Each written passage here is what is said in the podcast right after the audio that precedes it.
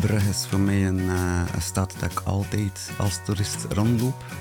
Altijd al geweest. Dus mijn vrienden ook zeggen tegen mij. Dus, uh, ik voel me thuis in Brugge.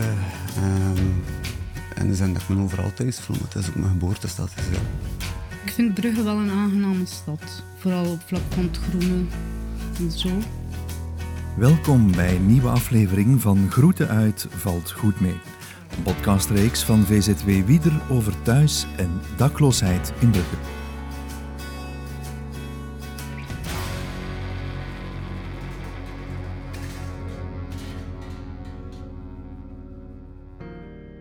Dakloosheid heeft enorme gevolgen. Je zelfbeeld wordt klein, je schaamt je en je moet vechten tegen de vooroordelen die mensen over je hebben. Je focus ligt op overleven en werken aan jezelf of aan je toekomst wordt bijzaak. In deze aflevering spreken we met Sage en Stefan, twee ervaringsdeskundigen die ons vertellen over hun leven op straat. Wat zijn hun ervaringen? Welke vooroordelen gooien we beter overboord? En wat is hun blik op de toekomst? Samen met Pablo Annijs, de voorzitter van het OCMW in Brugge, werpen we een kritische blik op het beleid en de maatschappelijke factoren die bijdragen tot thuis- en dakloos worden. We praten over mogelijke oplossingen en waarom die wel of niet zouden werken. Dakloos word je niet zomaar. Er is altijd een aanleiding of samenloop van omstandigheden die ervoor zorgen dat je in die situatie belandt. Zo ook bij onze eerste ervaringsdeskundige Sage, die door omstandigheden geen nieuwe woonst vond en zo op straat terecht kwam. Ik ben Sage. Momenteel ben ik niet meer dakloos. Hè. Maar uh, ik ben dakloos geweest van 1 september vorig jaar, dus 2023, tot um, 28 april dit jaar. Hoe is dat gebeurd? Ja. Ik heb ergens gewoond, maar um, waar ik uh, woonde, uh, was ik eigenlijk al een paar jaar op zoek naar een nieuwe woonst. Maar omdat ik nogal een uitzonderlijke of vreemde naam heb, aan bepaalde roots heb, werd ik hier en daar uh, bij bepaalde immokantoren gediscrimineerd. Ik kreeg zelfs de kans niet om iets te gaan bezichtigen. Dus uh, ja. En ook ja, het ding is van in een tijd, ik had een invaliditeitsuitkering, maar nu heb ik een werkloosheidsuitkering. Dus uh, ja, Sommige huisbazen zijn daar niet echt zo voor. Iemand die een invaliditeitsuitkering heeft of een werkloosheidsuitkering. Dat soort dingen. Uiteindelijk, als je contract ten einde is, ja, dan is je contract ten einde en dan sta je daar. Dan, ja, dan moet je vertrekken. Ook Stefan, die graag onder een schuilnaam getuigt, werd door financiële tegenslagen dakloos. Voor hem was het niet de eerste keer dat hij op straat stond, want al vanaf zijn achttiende heeft hij geen vaste woonplaats. Ik ben uh, Stefan, ik ben afkomstig van Brugge en ik ben 40 jaar oud. Uh, ik zelf ben uh, dakloos geworden op mijn 18e verjaardag. Dus ik kende wel al een beetje het verhaal. de situatie toen was heel anders, dat is een goede 20 jaar geleden. Maar op mijn 18e verjaardag uh, zat ik in een, een, instelling en was dat ook van nu zijn we nu weer verantwoordelijk voor u. U bent meerderjarig, onze verantwoordelijkheid valt weg. Um, ik had uh, werk en ik mocht niet verder werken van mijn, uh, van mijn dokter. Tijdens het werk viel ik in slaap. Ik had ook heel veel spie spie allee, pijn mijn spieren, ook constant moe. Dus naar mijn dokter gaan, mijn bloeddruk genomen, bloedafnames laten nemen ook. En uh, mijn dokter zei van, ik kan sowieso enkele maanden niet werken. Het werk dat ik deed was um, interimwerk met dagcontracten, waardoor dat ik nog steeds onder het OCME-statuut viel. Um, dat ik, en dat ik een leefloon ontving wanneer op de dag dat ik niet moest werken, kreeg ik wel mijn leefloon. Dus moest ik dat verantwoorden als ik één dag niet ging werken en het er wel een dimona opgemaakt was, moest ik het kunnen verantwoorden. Dus voor die ene dag uh, had ik een dimona. Maar de andere dag, mijn, dokter heeft toen geen briefje geschreven, uh, om, omdat de bloedresultaten pas twee weken later binnen waren. En mijn dokter zit een heel stuk verder, kon hem ook niet direct berekenen. En toen hebben ze uh, beslist in de stad waar ik toen woonde, wat Niebrugge was, hebben, ze beslist, het OCME, um, dat mijn leefloon gestrapt werd omdat ik één dag niet gaan werken ben en het niet kon aantonen met een doktersbewijs, hebben ze mij geschrapt. Hebben ze mij een sanctie gegeven van drie of vier maanden uh, van mijn leefloon. Waardoor dat ik um, die periode niet kunnen betalen heb. Um, en als je vier maanden je huur niet betaalt, dan verlies je alles en dan kom je op straat plots. Als je je ogen sluit en je een beeld vormt van een dakloze, hoe ziet die persoon er dan uit? Is het een oude man, ongewassen, met een lange baard, die zakken draagt en een blik bier drinkt? Voor velen is dat het stereotype beeld van een dakloze. Was dit ook het vooroordeel dat Sage en Stefan hadden? Ik moet eerlijk zeggen, ja. Ja, ik moet eerlijk zeggen, soms keek ik ook zo naar die mensen, om maar een voorbeeld te geven, hier zo in Brugge aan het station. Ach, damn, hebben die mensen echt niks anders te doen. Zo van. Maar ja, als je het zelf meemaakt, dan weet je wel waarom. Dat ze daar rondhangen. Waarom? Dat ze af en toe meer dan, dan jezelf alcohol gebruiken, dat soort dingen. Ja. Nu, ik moet zelf ook wel eerlijk toegeven, ondanks dat ik zelf dakloos geweest was, bleef ik toch ook die vooroordelen wel hebben van iemand die dakloos is, gaat al rapper vragen achter je hulp, gaat al rapper uh, vragen, mag ik blijven slapen? En je hebt mensen die blij zijn dat ze één nacht mogen blijven slapen, maar je hebt mensen die ook echt volharden daarin. Wat dat een van de dingen is die sommige daklozen doen. Het grootste deel niet, maar sommigen wel. En dat maakt natuurlijk dat het stigma ook zo groot blijft. Dat stereotype beeld van een dakloze klopt niet. Aan het woord is Pablo Anijs, voorzitter van het OCMW in Brugge. Dat deed een onderzoek naar het profiel van dak- en thuislozen in hun stad en kwam tot verrassende resultaten. Men bekijkt dakloosheid nog altijd zeer stereotyp. Hè. Zijn de, vaak de blanke man, hè, inderdaad, die op straat uh, slaapt in een, in een, op een bankje of in een park, et cetera.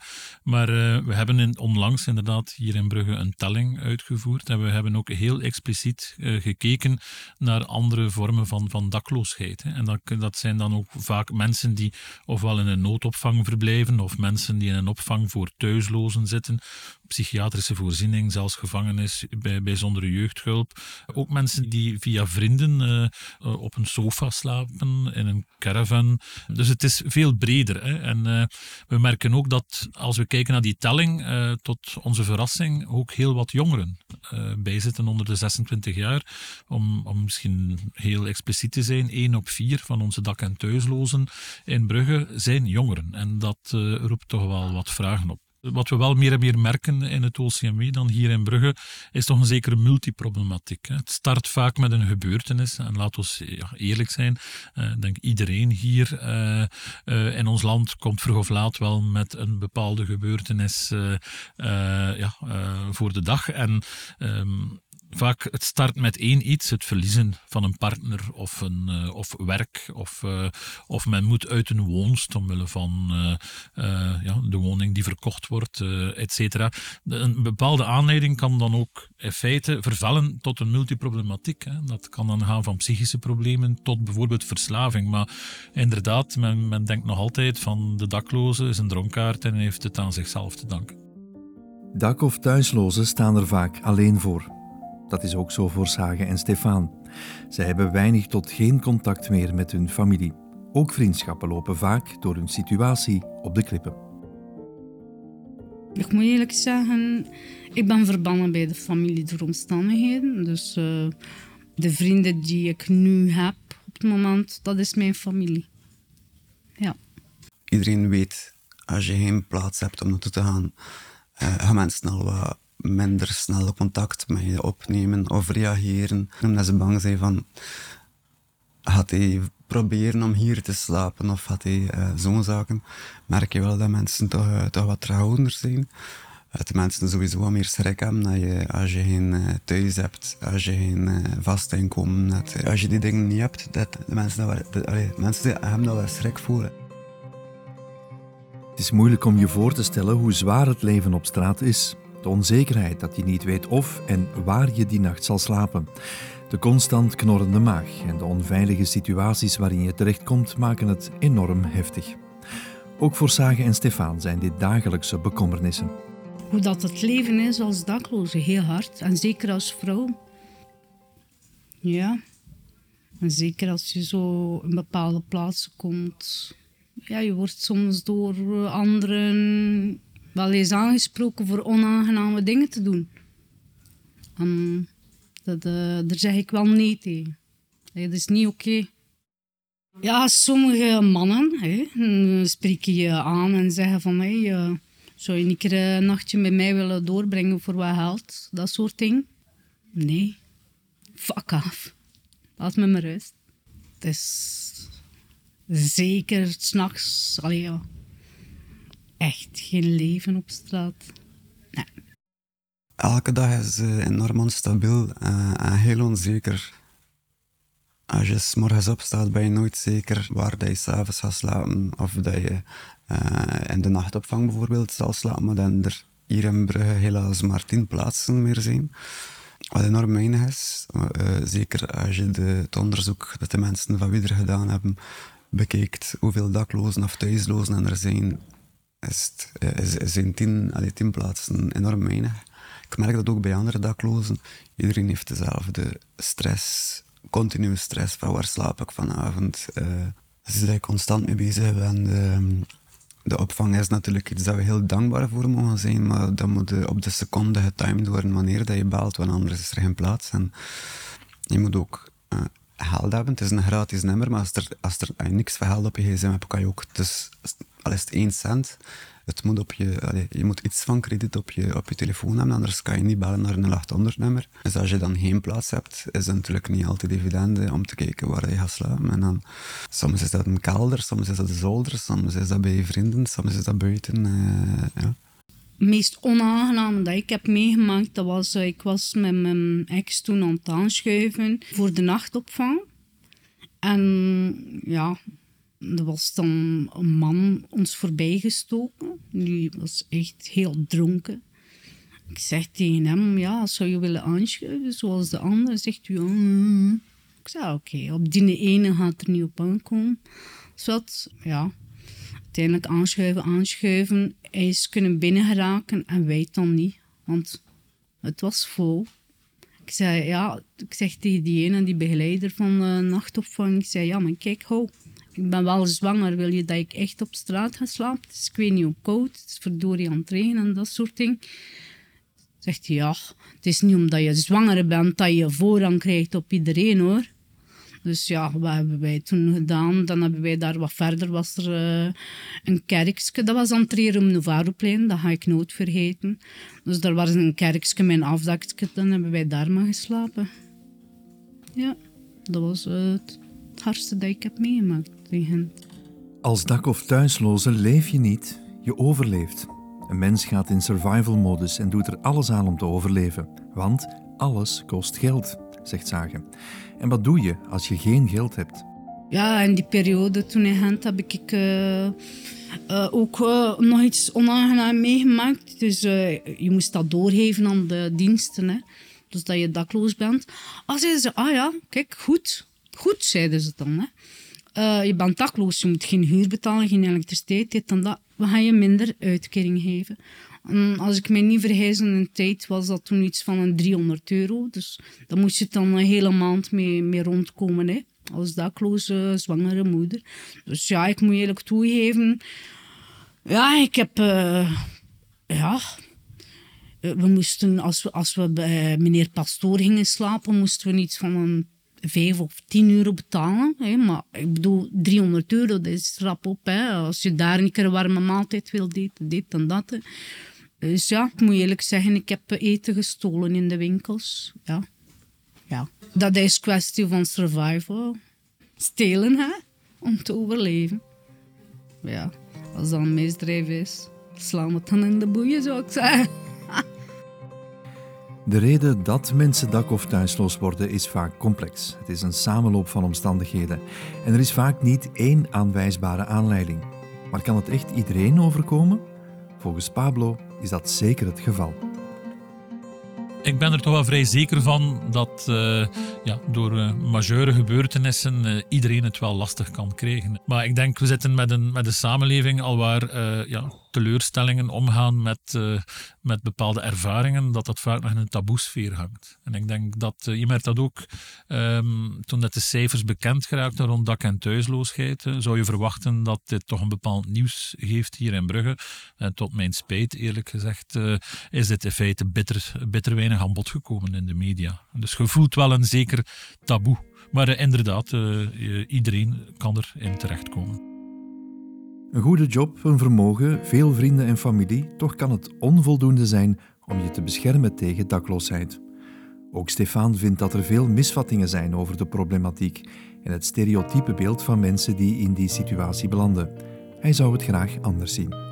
Maar ik heb wel heel vaak gezien dat mensen die op straat staan, um, heel vaak mensen zijn die. Uh, enorm intelligent zijn, uh, veel skills hebben. Uh, heel veel mensen ook die, mooie functies gehad hebben in, allerlei sectoren. En dat iedereen, iedereen het kan iedereen overkomen uh, om op straat te belanden en plots alles kwijt te spelen. ik heb wel heel veel verhalen gehoord.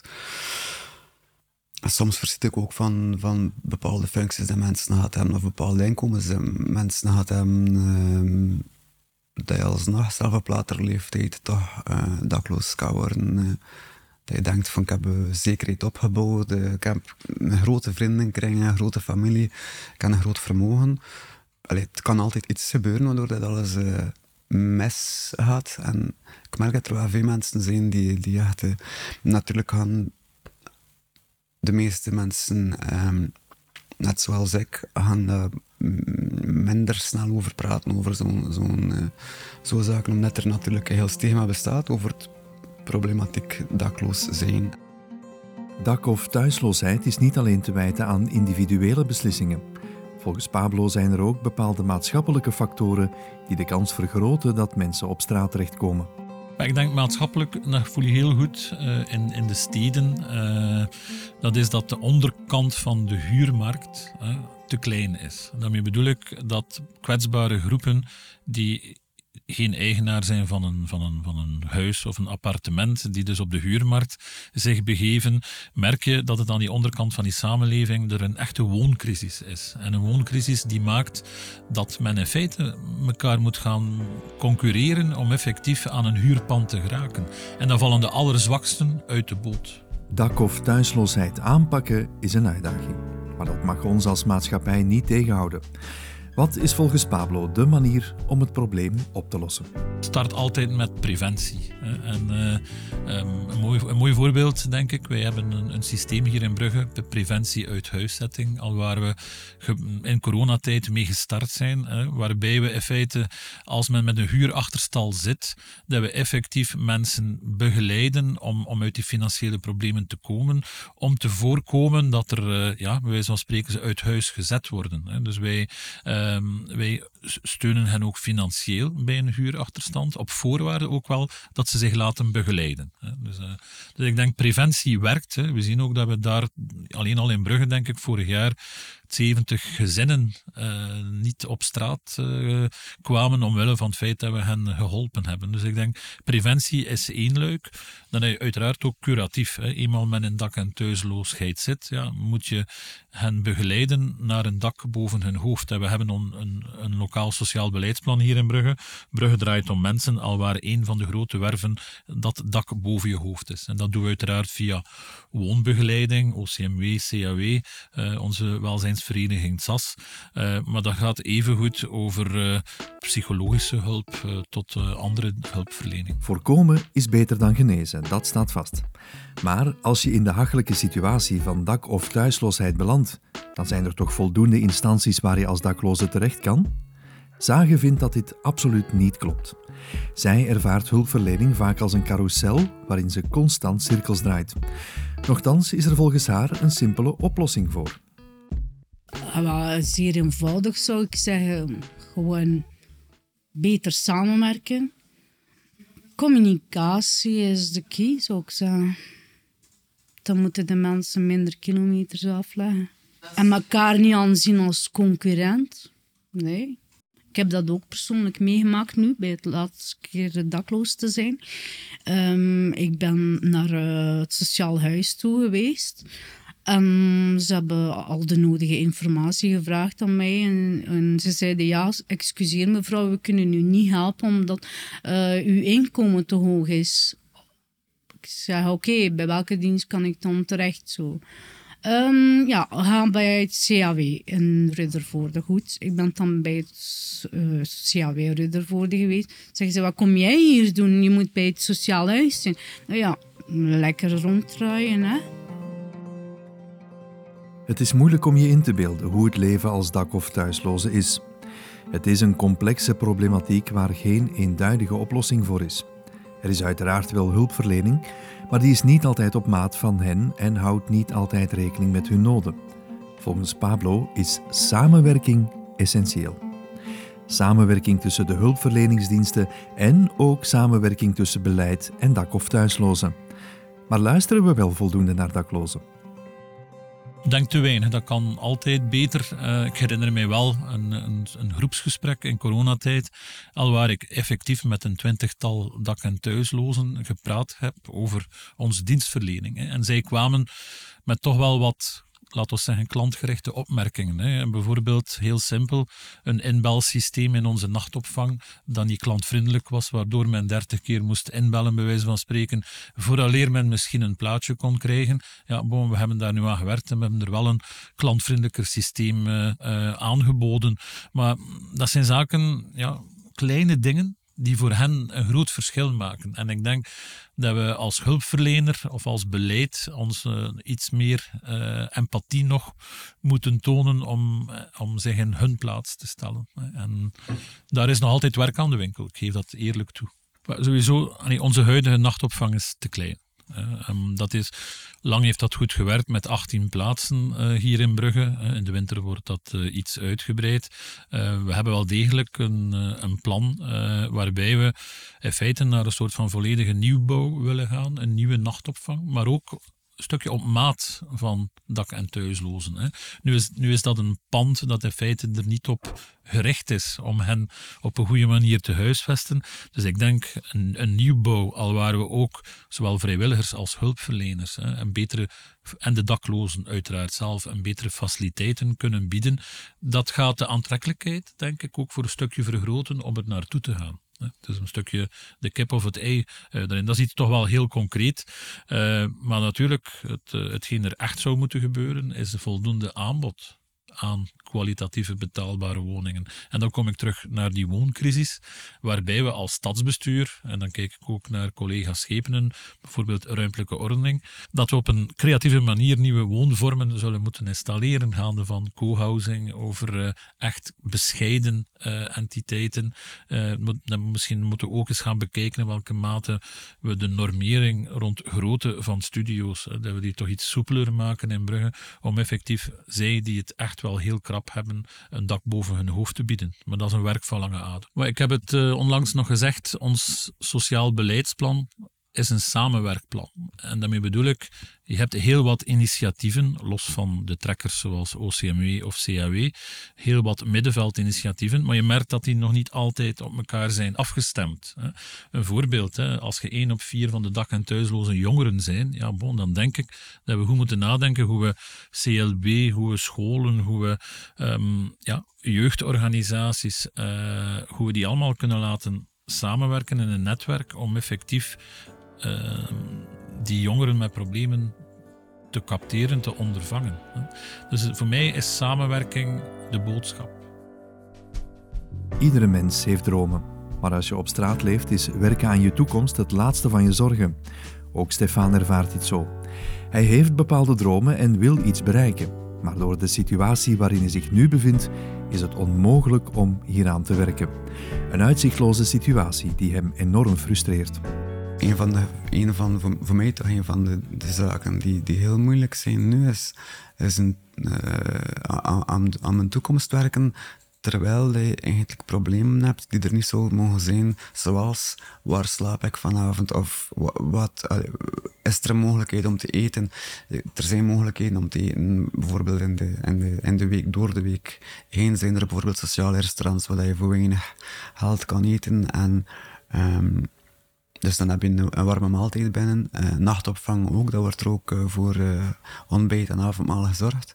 Maar als je, ehm, als je op zo'n plaats niet raakt, is het wel moeilijk om... Er zijn er wel plaatsen waar je goedkoop of gratis eten kan krijgen. Maar wat doe je met een, een verse biefstuk als je geen plaats hebt om hem op te warmen? Ehm, als je geen microgolf hebt, als je geen potten of pannen hebt, als je geen kookvuur hebt, allee, kan je daar, als je- fornuis hebt, kan je niets, niets koken. En, en, en, zo'n zaken eh, zijn, zijn dingen die je wel constant bezighouden.